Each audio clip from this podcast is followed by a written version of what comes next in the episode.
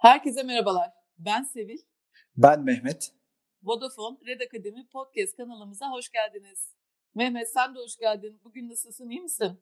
İyiyim, hoş buldum Sevil. Teşekkürler. Sen nasılsın? Ben de iyiyim, çok teşekkür ederim. Ee, Mehmet bugünkü konumuz beceri odaklı yeni dünya. Hı hı. Ee, şimdi biliyorsun ecel organizasyonlarda beceriye ekstra bir vurgu var. Ee, bunun nedeni nedir? Becerinin öne çıkması ne anlama geliyor? Hatta belki de beceri ne anlama geliyor? Hı hı. Dijital dünya tüm bu gelişmeleri nasıl etkiliyor? Ee, ve belki de en önemlisi hani bireylerin ve organizasyonların buna adaptasyon nasıl olacak? Yani bu ve buna benzer birçok soruyu beraber burada yanıtlamaya çalışacağız. Ama ben istiyorum ki bu sefer bir değişiklik yapalım. Gel bir araştırmayla başlayalım. Bu araştırma sonucu benim çok ilgimi çekmişti ilk okuduğumda. Şimdi araştırma sonucu şunu söylüyor. Diyor ki yapılan bir araştırmada CEO'ların neredeyse yüzde 82, 80'i, yüzde 80'i çalışanlarının şirketlerin ihtiyaç duyduğu becerilere sahip olmadığını ve bununla ilgili herhangi bir aksiyon da alınmadığını söylüyor.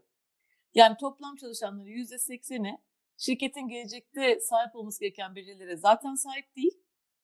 Sahip olmadığı yetmediği gibi bir de bunun üzerine de şirket içerisinde herhangi bir aksiyon alınmadığını söylüyor ve bunu CEO'lar söylüyor. Şimdi buradan bakınca böyle bayağı ciddi bir boşluktan ve ihtiyaçtan bahsediyoruz gibi gözüküyor. Ee, sen nasıl yorumluyorsun bunu? Ya inanılmaz bir rakam ve e, bence gerçekten çok ciddi bir durum. E, şimdi şöyle aslında yani malum hani gelecek artık çok hızlı geliyor ve yenilikler de bir anda kapımızı çalıyor. Bu anlamda aslında bu araştırma galiba şunu söylüyor. Şirketler buna hazırlıksız bir durumdalar. Yani değişmeleri gerektiği gün gelince sanırım hareket edemeden donup kalma tehlikesindeler. E tabi bu e, bir anlamda e, şirketler için tehditken bir anlamda da başka şirketler için özellikle de startuplar için de muhteşem fırsatlar demek ama sanırım hmm. temelde şirketlerin herhalde artık reaktif olmayı bırakması gerekiyor ki daha önceki konuşmalarımızda da bahsetmiştik. İşte öğrenen birer organizasyona dönüşebilmek bu anlamda sanırım e, önem kazanıyor diyebilirim. Doğru. Peki gel dilersen şöyle başlayalım. Yani beceri hayatımızda hep önemliydi, hep konuşuyorduk aslında. Hı. Ama şimdi ecel dünya ile birlikte çok çok daha vurgular hale geldik. Yani senin görüşün en temelde nedir bunun nedeni? Buradaki ana konu otonomi ve değer odaklı üretim aslında. Şimdi Agile yapıyı ele aldığımızda bir nevi e, şöyle bir organizasyondan bahsediyoruz. İşte net bir değer etrafında kümelenmiş, kendi başına hareket edebilen, bu anlamda startuplar gibi yaşayan bir ağ organizasyondan bahsediyoruz. İşte burada kendi başına hareket edebilen dediğimiz kısım önemli. Yani öz yönetim. Burası kritik konu. E, takım çeşitli hipotezleri deneyip pazardan geri dönüş alıp buna hızlı cevap üretebilmesi, yeni çözümler üretip sürekli onları evrimleştirip pazardaki varlığını sürdürebilmesi gerekiyor. Ve bu gereklilikle birlikte de işte onay almak ya da başka bir takımdan, fonksiyondan destek beklemekten olabildiğince de yapının arınmış olması gerekiyor. O gerçek otonominin hayatı geçebilmesi için. İşte bu anlamda uçtan uca değeri pazara kendi ayakları üzerinde üretebilmesi için takımın yetkin, becerikli olması gerekiyor. Yani gereken tüm becerilere kendi içerisinde sahip olabilmesi aslında bu otonomi ve hız için çok önemli. Evet ya bunu galiba daha önceki bölümlerde değindiğimizi hatırlıyorum Mehmet. Yani günün sonunda Squat'ın başarısındaki en temel faktör gerçekten o becerilere sahip insanları bir araya getirebiliyor musun? Eğer eksik varsa bir şekilde eğer aktive edilemeyen bir beceri varsa o anlamda hiçbir şekilde squat başarıya ulaşamıyor. Değer de üretemiyor. Yani o anlamda değer üretmek de biraz imkansız hale geliyor. Kesinlikle. Ben e, içerisinde bulunduğumuz yüzyıldaki artık iş anlayışı ki ben e, ona da işin rönesansı diyorum. E, yakın gelecekte şirket yapılarının küçüleceğini ve hani dev şirket yapıları yerine biraz daha böyle farklı amaçlar uğruna şirketlerin başka diğer yapılarla kurabildikleri işbirliktelikleri ölçüsünde aslında devleşebileceğini düşünüyorum. Ya şundan bahsediyorum aslında. Ortak bir amaç uğruna bir araya gel. Herkes kendi becerisini ortaya koysun. Amaca ulaş ve dağıl. Bu anlamda da biraz işin geleceği belki şu anda bizim işte yakinen bildiğimiz freelancer modeline daha benzer de bir model olacak demiş oluyorum. E, e, böyle bir modelin içerisinde de beceri ve beceriye dayalı katkı en önemli ayrıştırıcı olacaktır. İşte Rönesans dedik. E, Rönesans'ın matbaanın icadı tetiklemişti. İşin Rönesans'ını tetikleyen en önemli unsur da herhalde dijitalleşme gibi görünüyor. Onu unutmamak gerek. İşte matbaa ile bilgiye ulaşım kolaylaşmıştı. Ulaşılan bilgiler ışığında sorgulama artmıştı. E şimdi dijitalle de baktığımızda belki de bir açıdan da beceriye ulaşabilmenin yolu kolaylaşmış oldu. Evet yani bu belki bir perspektif hangi anlamda dijitalleştikçe becerilerini geliştirmek, beceriye ulaşabilmek daha kolay oluyor. Bir yandan da galiba yaşadığımız bu beceri dönüşümünü en çok tetikleyen konu da dijitalleşmenin kendisi. kendisi. Ee, bir de böyle dijitalleşme deyince de herkesin aklına ilk olarak bile dijitale ve teknolojiye hakim olmak kavramları geliyor. Ama bana sorarsan konu pek onunla sınırlı değil. Yani ben insanların dijitalleşmeye ayak uydurabilmesi için hani bu bahsettiğimiz teknolojiden anlamak, dijitalden anlamak gibi teknik becerilerin yanı sıra hakikaten alandan, rolden, iş kolundan bağımsız bazı farklı beceri setlerine de sahip olmasının çok önemli olduğunu düşünüyorum. Bilmiyorum sen ne dersin? E, doğru. E, istersen şuradan bir giriş yapalım e, derim. İşte e, yeni beceriler geldi hayatımıza doğal olarak dijitalleşmeyle birlikte. Bu artan bir hızla da belki de devam edecek. Peki yeni beceriler diyoruz. İlk aklına neler geliyor senin? Neler geliyor? Aslında birçok şey geliyor. Yani şöyle düşünüyorum bazen de iki sene önce hiçbir şey gelmiyordu. Şimdi böyle düşününce birçok şey geliyor. Hızlıca aklıma gelenleri sıralayayım. İşte herhalde bu web ve app geliştirme, programlama, kodlama gibi artık beceriler çok ön planda. İşte dijital tasarım ve data görselleştirme, dijital ürün yönetimi, dijital pazarlama, e, olmazsa olmaz sosyal medya, e, işte data science, analytics belki uçtan uca hakikaten çok önemli. E, user experience var yine aklıma gelen dijitalde kullanıcı deneyiminin gerçekten iyi bir şekilde tasarlanması. E, ya bunun gibi böyle belki de iki sene önce dediğim gibi yani hayatımızda olmayan ama şu anda çok sıklıkla bahsettiğimiz bize insan kaynaklarını özellikle hani işe alım noktasında çok fazla ihtiyaç olarak, talep olarak gelen alanların başında geliyor sanki. Bilmiyorum atladığım bir şey var mı? Ee, ya illa çok vardır herhalde. Ee, ben de hani o kadar belki de yakından takip etmiyorum ama sen iki sene önce deyince aklıma ilk ne geldi biliyor musun? Vodafone Türkiye'de de meşhur konuydu bir ara. Pega. doğru, doğru. Pega uzmanlığı. Ama e, belki şeyi hani bir ufaktan söylemek lazım. E, sanırım machine learning işte belki de AI bunların en önemli olarak e, önde gelenleri önümüzdeki dönemde daha çok hayatımıza girecek gibi. Bir de e, sen şey demiştin işte alandan bağımsız bazı beceri setleri de lazım. Doğru ama bunu biraz açalım mı? Açalım. Ee, ya tam neyi kastediyorum? Aslında belki de işte bu teknik becerilerin dışında ortak bazı becerilerden bahsediyorum. Ne gibi? Ya benim için mesela bunun en e, başında esneklik ve adaptasyon geliyor. Yani belki de hakikaten bütün bu beceri dönüşümünü, bütün bu dijitalleşmeyi yönetmek, buradan başarılı ve güçlü bir şekilde çıkmak için birey seviyesinde de aslında organizasyon seviyesinde ne kadar esnek olduğun, ne kadar yeni durumlara adapte olduğun çok önemli. Ee, aslında biraz Ecal'ın tanımıyla da çok bence örtüşen bir konu bu. Belki biraz bunu söyleyebiliriz. Ee, ve özellikle birey seviyesinde dijitale yatkınlık çok önemli. Yani neler var burada? İşte basitleştirme, otomatize etme, inovasyona gerçekten açık olma, dijitalleşmeye olan eğilim. Yani bunların hepsini belki bir insanın hakikaten dijitale yatkınlığı olarak tanımlayabiliriz. Bu bence önemli. Ee, herhalde olmazsa, olmazsa olmazlardan bir tanesi de bu learning agility dediğimiz öğrenme e, kapasitesi mi diyelim, öğrenme merakı. E, merak daha doğru bir kelime bence. Çünkü her şey biliyorsun merakla başlıyor. Yani öğrenmeyi çok ciddi anlamda merak tetikliyor. Buna biraz belki hani bildiğim bazı şeyleri unutabilmek, yerine yeni şeyler koyabilmek ve en önemlisi de hani bu yeni öğrendiğin konuları kompleks durumlara, farklı durumlara adapte edebilmek, uygulayabilmek diye bir tanım koyabiliriz sanki. Ee, işte bu unlearn, relearn kavramlarının belki de hayatımıza çok fazla değdiği yer burası.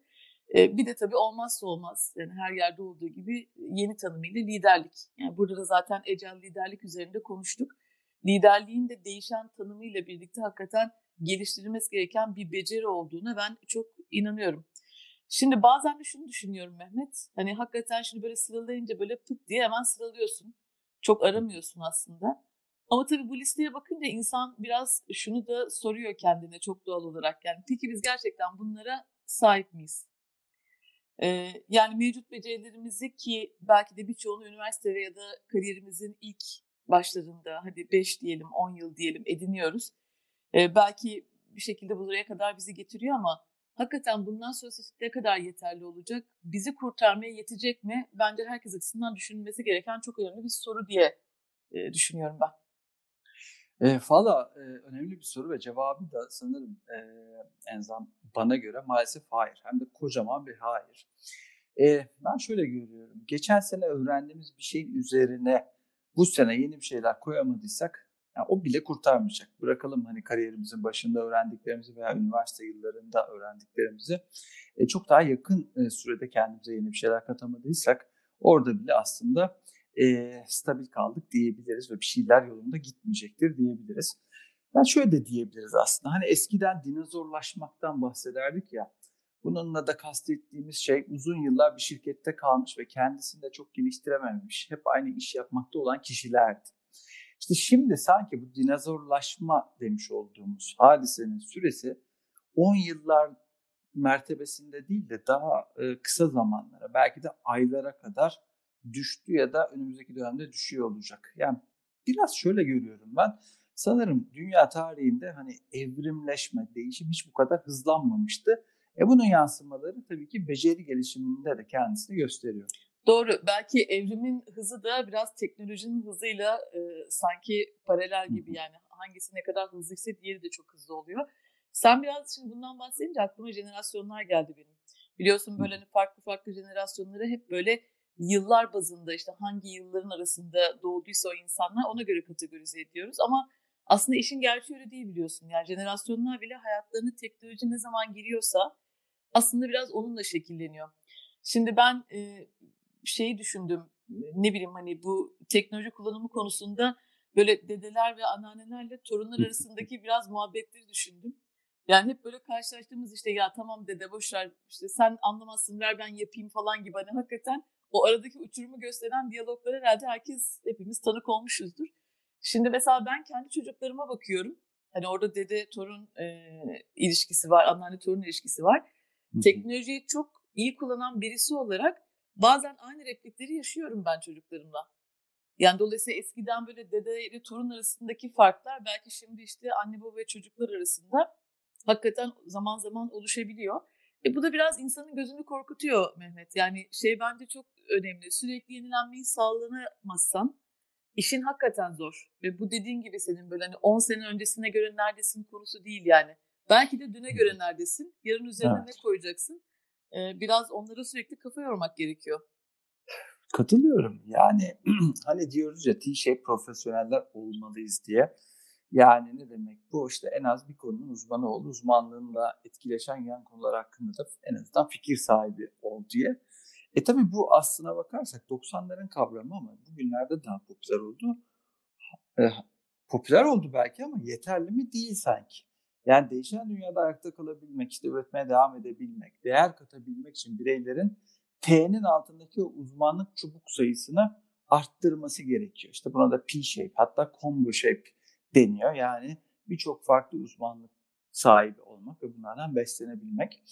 E tabii e, bazı yerlerde sen de söyledin işte öğrenebilme çevikliği de deniyor. Ben hani e, tam tanım olarak çok sindiremiyorum bu kavramı ama e, şu çok doğru. Sürekli ve hızlı öğrenebilme becerisi çok ön plana çıkıyor günümüzde. E, aslında seni dinlerken hani e, çocukların yetişmesi, aradaki jenerasyon farkı diye bakarken aklıma da şu geldi. Aslında okulların da bize temelde zaten öğretmesi gerektiği şey sürekli ve hızlı hızlı öğrenebilme becerisiydi sanki diye Doğru. düşünüyorum ama ne kadar bunu yapabildik ve ne kadar bunu alabildik emin değilim. Tabii başka bir konuya gidebilir. Hani çok da uzatmak istemiyorum. doğru, doğru. Yani ben hani ilkokulları, liseleri falan geçtim. Şimdi üniversite müfredatlarına baktığında bile yani hakikaten hangisi bunu destekliyor ya da destekleyecek şekilde yenileniyor Bence bunlar Türkiye adına çok sorulması gereken konular. Ama e, evet or- oraya girersek çıkamayabiliriz. Ben dediğiniz sonuna kadar katılıyorum. Aslında biz belki de çocuklara ve yetişkinlere bunu öğretebilsek öğrenemeyecekleri hiçbir şey kalmayacak. Ve daha da önemlisi belki de aslında hiçbir şey gözlerini korkutmayacak. Dolayısıyla merakla birlikte cesaret, cesaretle birlikte aksiyon, aksiyonla birlikte de gerçekten belki de yepyeni bilgiler gelecek. Bu döngü bence önemli. Mehmet ben biraz şeyi de düşünüyorum yani hani bu da bir döngü aslında. Hayat hep böyle döngülerden ibarettir ya bazen başı sarar bazen bambaşka şeylere evrilir. E, yani neyi kastediyorum? Şimdi mesela bu dijital çağın gerektirdiği becerilere bakıyorum ben. Bunlar şu anda konular çok yeni olduğu için ve böyle insanlarda yaygın bir şekilde bulunmadığı için e, şirkette olarak hepimiz aslında bunları bilen insanlar arıyoruz. Yani bu beceriye sahip, o bilgi seviyesine, donanıma sahip insanlar arıyoruz. Bu da çok doğal. O nedenle de hani farkındasındır yani beceriler çok değerli pazarda böyle kapışılıyor neredeyse. Ee, ama ben sana şunu söyleyeyim. Yani benim Simon Sinek'in gerçekten çok sevdiğim bir sözü var. Diyor ki hani you don't hire for skills, you hire for attitude. You can always teach the skills. Neyi kastediyor? Diyor ki becerileri değil, karakteri işe alın. Çünkü becerileri her zaman öğretebilirsiniz. Şimdi mesela çok bak çok sade ve çok güzel anlatmış aslında. Yani bu da bence biraz konuyu senin dediğin yere getiriyor. Yani her şeyi bilen değil, belki de merak edip öğrenebilen, bu agility'si yüksek insanlarla bir arada çalışmak belki de çok kıymetli. Çünkü ancak öyle olduğunda işte bu senin bahsettiğin T insanı, P insanı, combo shape insanı olmak ve sürekli olarak yeni beceriler kazanmak mümkün olacak. Aksi takdirde zaten mümkün olmayacak. Yani bildiğinle kalıp bir sonraki aşamaya zaten geçemeyeceksin. Katılıyorum sana. E, sanki bir de ne var biliyor musun? Tüm bunların temelinde aslında belki de growth mindset ön plana çıkıyor. Hani dedim ya işte dinozorlaşmamak gerekiyor. Bunun için işte sürekli gelişmekten bahsettik. İşte bu da ancak sen de söyledin merakla tetiklenen bir gelişim zihniyetiyle mümkün gibi geliyor bana. Yeterli mi? Valla değil. Ee, şimdi zihniyetin yetenekle e, ya da beceriyle yakından etkileştiğini söylersek buna belki şunları da koymak gerekir. Takım olma ve işbirlikçilik de çok temel ön plana çıkan iki tane unsur. İşte bu yüzden öğrenimi temelde zihniyet ve davranışlar üzerine kurup Simon Sinek de sanırım bunu diyor zaten. Daha sonra da bilgi ve kaynağa erişimi sağlayabilmekle yetenek gelişimini sanırım sürekli bir hale getirebiliriz. Doğru. doğru. E, bu, bunun şirketlerdeki yansıması ne diye bakacak olursak ben hani özetle şöyle görüyorum ama olasılıklar yaratabilmek diye düşünüyorum. Yani ne demek bu? Sürekli aynı operasyonu yapan ve aynı hedeflere koşan robotlaşmış insanlar değil, yeniliğin peşinde olan ve koşan deney insanlarını tetikleyebilmek, bunun için onlara uygun ortamı sağlayabilmek gerekiyor diye düşünüyorum. Ancak bu ortamla birlikte aslında işte takım olma, işbirlikçilik e, unsurlarıyla birleşen bir growth mindset, sürekli öğrenen ve gelişen bir organizasyona, e, sürekli gelişen bireylerle desteklendiği için gidebilir diye düşünüyorum. E, burada sen nasıl düşünüyorsun? Merak ediyorum. Yani sürekli beceri kazanmanın yolu yöntemi nedir? Bunu sağlayacak kişiler, kişilerin direkt kendisi mi yoksa şirketler mi olmalı? Ne dersin? Bence iki tarafta da yapılması gereken bir şeyler var Mehmet. Yani hem şirketler tarafında hem de tabii ki insanların kendi özelinde. Yani olaya hani birey tarafından bakarsak herhalde bence şu bir altın kural olabilir ve hiçbir zaman da değişmeyecek. Hani kaderini bir başkasının eline asla bırakma. şimdi bu kadar dijitalleşmenin, teknolojinin konuşulduğu, inanılmaz hızlı değişen bir dünyada bence hani kendimize ne tarz sorular sorduğumuz çok önemli. Hani bu insanın kendiyle yaptığı böyle self talk'lar vardır ya. E, oralarda gerçekten doğru soruları sorması insanın kendine ben çok önemli diye düşünüyorum. E, birkaç tane soru var mesela yaptığım iş veya sahip olduğum beceriler beni gerçekten geleceğe taşıyacak mı? E, rolümün ileride yok olma ihtimali var mı? Yani biraz radikal bir soru gelebilir, endişe verici bir soru gelebilir ama bence önemli bir soru. Çünkü birçok araştırma okuyoruz, dinliyoruz. Yani belki de şu andaki işlerin çok büyük bir kısmı gelecekte olmayacak. Ama ne güzel ki gelecekte de şu anda olmayan birçok yepyeni rol, iş, alan hayatımıza girecek. Ya bu da dolayısıyla aslında bu gereken beceri dönüşümünü de çok böyle güzel gösteriyor. Yani endişeye kapılmaktansa evet yok olacak bir şeyler varsa kendimi yeni alanlara nasıl yönlendirebilirim? Bence hakikaten önemli. E, dolayısıyla hani belki bir üçüncü soru gerçekten nasıl yeni bir alana geçebilirim? Kendimi hangi becerilerle donatabilirim? Yani ben bütün bu soruları e, herkesin sorması gerektiğini düşünüyorum. Ve bunların temelinde de tabii ki yine merak var. Yani Merak çok önemli hayatta. Merakı canlı tutmak çok önemli. Dolayısıyla da bu sorular gerçekten bence farkındalık düzeyini arttırmak adına insanda ve yeni becerileri kazanma şansını yükseltmek noktasında bence çok değerli. Sormuyorsak bir yerlerde bir eksiklik var demektir diye düşünüyorum ben. E sen çok güzel bir doz mesaj verdin aslında Sevil dedi ki e, endişeye kapılmaktansa harekete geç. Gerçekten öyle. Çok önemli bir şey. Hele hele şu yaşadığımız sürecin içerisinde bence altını böyle biraz daha çizerek belki söylemek gerekiyor. Endişe hayatımızın önemli maalesef bir noktasında. E, buna e, kendimizi kaptırmamak için harekete geçmek önemli. Sorular da çok önemli. E, sen soruları söylerken şunu düşündüm. Ya tekil bir soruya indirgesek en basit ne olabilir acaba diye. Belki de e, bilmiyorum katılır mısın kişinin kendisine sürekli şunu sorması gerekiyor temelde.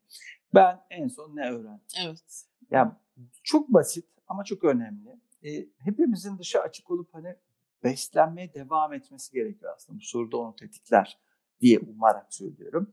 E, maalesef biraz biz yerimizde sayıyoruz. Kendi e, yaratmış olduğumuz o şirketteki yoğun tempo, benzer kişisel çevre bunların çok dışına çıkamıyoruz ve e, bu da yerimizde saymak demek oluyor. E, malum konfor alanında kalarak da kendimizi geliştirmemiz pek de e, mümkün değil. Sanki biraz e, en önemli e, elimizdeki aset, varlık olan kendimizi biraz geri plana atıyoruz. İşte birçok konuda olduğu gibi burada da öyle. Aslında kendimizi yani yaşantımızı ele alıp kendi entelektüel kapasitemize yatırım yapmaya devam etmeliyiz. Bunu atlamamamız gerekiyor. Vardır böyle çok klasiktir hani e, çok da karşılaşmışımdır ben de birçok şirkette. İşte çok yoğun olduğu için bir tam günlük eğitime katılamam diyenler ya da çok yoğun olduğu için işte konferanslara katılamayanlar ya da dış topluluklarda harcayacak zamanı olmadığına şikayet edenler. İşte bu kapalı yerinde sayan zihniyetten kaçınmak gerekiyor diye düşünüyorum. Tabii bu bireyin kendisine düşen belki de içsel motivasyon olarak konuşmuş olduğumuz bir nokta. Biraz şeye de bakalım mı? Şirketler bu anlamda ne yapmalı acaba? Evet. Yani şirketlere geçmeden hani bu söylediğinle ilgili bir şey eklemek isterim. Ee, hakikaten bazen zihniyet açık olsa da, vizyon olsa da hani hayatta her şey ancak aksiyona dönüştürdüğünde değişebiliyor ya. Şimdi bence bu biraz günümüz modern iş dünyasının da hani bizi getirdiği yer. İşte işlerimizi yetiştirmek adına feragat ettiğimiz şeylerin başında evet yani kendimize yaptığımız yatırım, biraz ekibimize yaptığımız yatırım, ayırdığımız zaman yani hep bunlar feragat ettiğimiz noktalar oluyor. Belki de buraları çok sıkı tutup hakikaten diğer tarafta nasıl bir önceliklendirme yapabiliriz, nasıl bir sadeleşmeye gidebiliriz. Ama tabii bunu söylerken Mehmet şunu da söyleyelim yani hepimiz yapıyoruz bunları. Ya böyle çok kolay bir şey değil. Ama dediğim gibi hani aksiyona dönmesi noktasında belki de farkları biraz bunlar yaratıyor olabilir. Şimdi şirket tarafı da çok önemli. Ben iki boyut olduğunu düşünüyorum şirket tarafında. Bir tanesi yani şirketler olarak hepimiz bir şekilde çalışanlara e, gelişim desteği sunuyoruz. Yani bunu yapmayan herhalde hiçbir şirket yoktur. E, zamanında ne akademiler kuruldu Türkiye'de yani böyle köklü köklü uçtan uca e, üniversite şeklinde gerçekten tabiri caizse çok büyük akademiler kuruldu. Çok başarılı. Ya ben buradaki ilk sorunun hani şu olması gerektiğini düşünüyorum. Gerçekten bu kurduklarım, yaptıklarım bundan sonraki beceri dönüşümü için e, fayda sağlıyor mu? Yani ben buralarda da gerçekten bir e, şeye gidebiliyor muyum? Renovasyona gidebiliyor muyum? Bence bu önemli bir soru. Yani hala akademileri aynı içeriklerle aynı şekilde çalıştırıyorsak e, bence şirket olarak bakılması gereken ilk temelde nokta bu olabilir diye düşünüyorum. E, ikinci nokta da belki hani e, hakikaten insani açıdan da çok önemli bulduğum bir nokta benim. Ben organizasyonun ihtiyacı olan becerileri nereye kadar dışarıdan alarak tamamlamaya devam edeceğim? Şimdi işe alım çok güçlü kasları şirketlerin. Ve çok da önemli. Organizasyonu tazelemek için de çok önemli. İşte bu uzmanlıkları dışarıdan şirkete getirebilmek adına da önemli. Ama biraz şunu da kendimize sormamız gerekir diye düşünüyorum şirket olarak. Yani bu nereye kadar işe alarak, işe alım yaparak gidecek? Bu konu bence iki açıdan çok önemli. Bir tanesi, biraz önce bahsettim. Pazarda zaten özellikle bu dönemde bu konularda, bu yeni alanlarda herhangi bir yeterlilik yok. Bunu söyleyebiliriz. E, o nedenle de zaten pazarın hareketlerine bakarsan insanlar sürekli olarak maalesef daha yüksek ücretlere yer değiştirip duruyorlar. Yani giriyor şirkete mutlu mesut hiçbir sorunu yok. Ama tabii bu uzmanlığa, bu beceriye sahip başka bir şirket daha yüksek bir ücret veriyor. E, o da gidiyor. Yani dolayısıyla böyle hani sürekli olarak maliyetler yükseliyor şirketlerde. Daha da önemlisi sürekli şirketlerin böyle kafa yorması gereken ciddi bir retention, elde tutma problemi oluyor. Yani dolayısıyla bir tanesi gerçekten hani pazarda yeterli olmadığı için e, bir şekilde bunu sürekli olarak yönetemem. İkincisi de ki bana sorarsan daha önemli bir boyut. E, yıllarca birlikte çalıştığımız şirket değerlerimizi ve kültürümüzü çok iyi bilen, insanları çok iyi tanıyan, zamanında gerçekten şirket olarak birçok başarıya imza atmamızı sağlamış e, çok güzel insanlarımız var. Çok değerli asetlerimiz var. Yani dolayısıyla hani evet işe alım yapalım bir yandan ama e, bir yandan da bu insanların beceri dönüşümünü nasıl sağlayacağız? Bu insanları olduğu yerde mi bırakacağız? Arkamızda mı bırakacağız? E, bence bu çok önemli bir nokta. Dolayısıyla ben şirketlere burada çok ciddi bir sorumluluk düştüğünü düşünüyorum. Hı hı. Ya biz nasıl ki dışarıdan insanları kazandırmaya çalışırken belki de daha fazla içerideki insanları bu rolleri nasıl taşıyabilirim? Onları bu yeni becerilerle nasıl donatabilirim? Bir şirket olarak bunu çok daha fazla hissetmeliyiz diye de düşünüyorum. E, katılıyorum sana. Aslında şöyle demiş olduk özetle. E, bireyin harekete geçmesiyle e, başlar bu süreç ama şirketin de bireyin bu harekete geçebilmesini tetikleyecek ortamı sağlaması ve de yolda da ilgili olanakları belki de bireylere e, sağlayabiliyor olmasından evet, bahsetmiş evet, olduk. Kesinlikle. E, bu da bizi biraz upskill, reskill gibi kavramları da getiriyor. Belki bunların da tanımlarını bir ara konuşmak e, için fırsatımız olur. Önemli konular, söylediklerin de çok önemli. Ben şunu söylemek istiyorum. Ya hiçbir organizasyon aslında içinde bulundurduğu bireylerin perspektifleri ve dünya görüşlerinden öte evrilemez.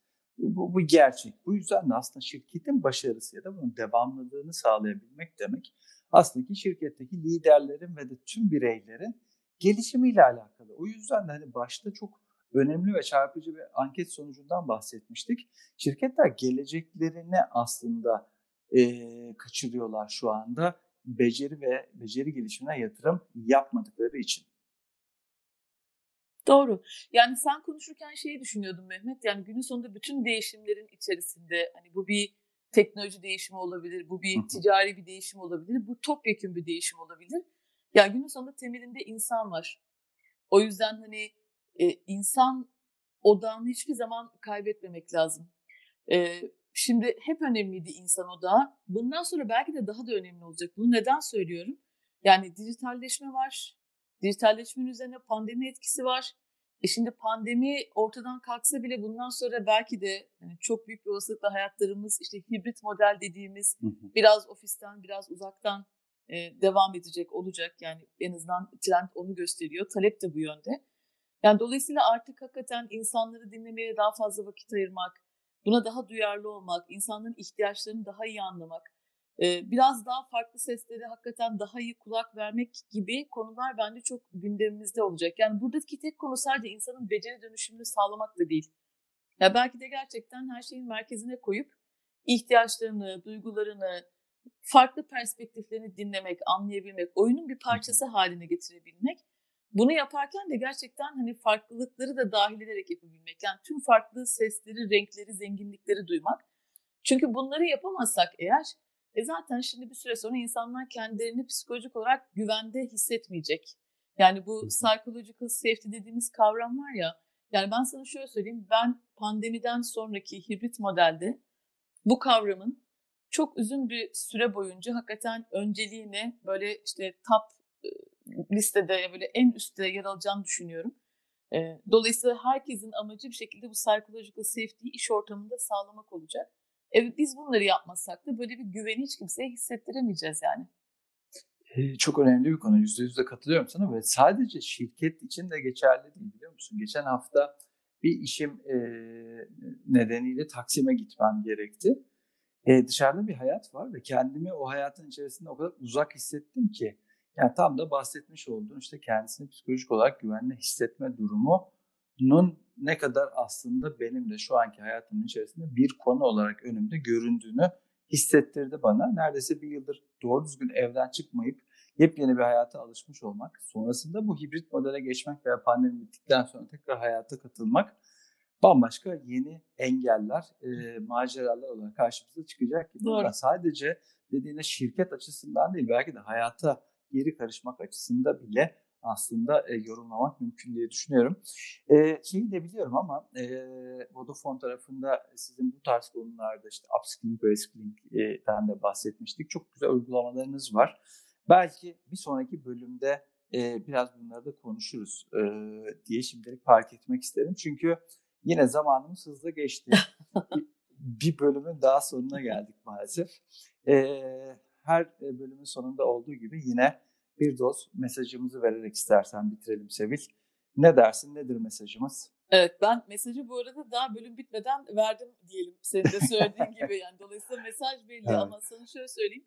Çok güzel konular konuştuk bugün Mehmet. Yani hani bunlar benim böyle çok inandığım sadece iş iş tarafında değil aslında hayatımın bütününe de taşımaya çalıştığım konular. Kolay konular mı değil ama yani belki de hani istediğinde hakikaten azimle üzerine gittiğinde doğru soruları sorduğunda en önemlisi de kendinde bir şeyleri değiştirmeye karar verdiğinde aslında belki de gerçekten sana da ciddi kanallar açabilecek, ciddi fırsatlar açabilecek konular diye düşünüyorum ben. Ee, tabii birçok şeyi konuştuk. Yani hepsi de kendi çapında çok önemli. Ama günün sonunda şu yordan bakalım. Yani tüm bunları tetikleyecek ve harekete geçirecek tek bir şey var. E, o da insan.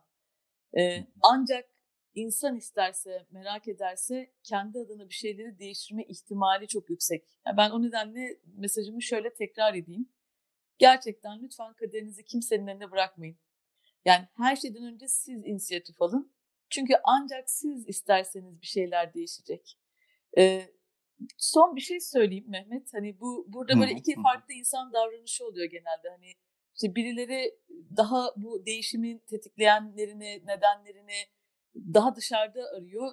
Birileri kendi içinde arıyor. Ben burada bu kendi içinde aramanın, kendinden yola çıkmanın, kendi değişimini başlatmanın, bunun da başkalarının değişimine gerçekten katkı yaratması açısından çok kıymetli olduğunu düşünüyorum. O yüzden de diyorum ki e, yapmadıysanız bu zamana kadar hiç vakit geçirmeden hemen yapın. En güzel yöntemi soru sormaya başlamak olabilir. Süper, süper. Gerçekten kendimizi hatırlamak, e, bana da kendimi e, durup düşündüren bir sohbet oldu Sevil seninle bugünkü görüşmemiz. Teşekkür ediyorum. E, bir de şeyi e, merak ediyorum Sevil kapatmadan. LinkedIn hesaplarımızdan bize ulaşabilirsiniz demiştik bir önceki bölümde. E, var mı paylaşmak istediğin herhangi bir şey bu noktada? Evet yani mesajlar geliyor. Bu arada sadece LinkedIn'den değil WhatsApp'tan da mesajlar geliyor bana. Süper. Ee, dolayısıyla güzel dönüşler var. Ee, belki de bir tanesini buradan paylaşmak iyi olabilir. Neden? Bizim bu podcast'i çekelim dediğimizde hakikaten amacımızı çok teyit eden bir paylaşım oldu bu benim açımdan. O yüzden onu paylaşmak isterim. Bizim satışta e, çalışan Murat Korkmaz isimli bir arkadaşımız var. Şöyle bir yorum paylaşmış benimle. Demiş ki size teşekkür etmeden yapamadım bu podcast saha ekiplerinin bayi ziyareti yolculuklarında mükemmel bir yol arkadaşı oluyor. Devamını heyecanla bekliyoruz demiş. Süper. Ee, ben şimdi bunu okuyunca Mehmet dedim ki ya galiba biz amacımıza ulaştık. Çünkü zaten demiştik ya hani evde, mutfakta, salonda, yolda. ee, dolayısıyla herhalde podcast bir şekilde kendi amacına ulaşıyor diye düşünüyorum. Ben Murat'a da zaten cevap vererek teşekkür ettim ama buradan gerçekten tekrar teşekkür edeyim, sevgilerimi ileteyim. E, dolayısıyla yorum paylaşan herkese de çok teşekkürler. Bu arada ilerleyen günlerde de inşallah harika konuklarımız olacak. Belki onu da hani hep paylaşıyoruz. Konuklar bölümleri çok zenginleştiriyor.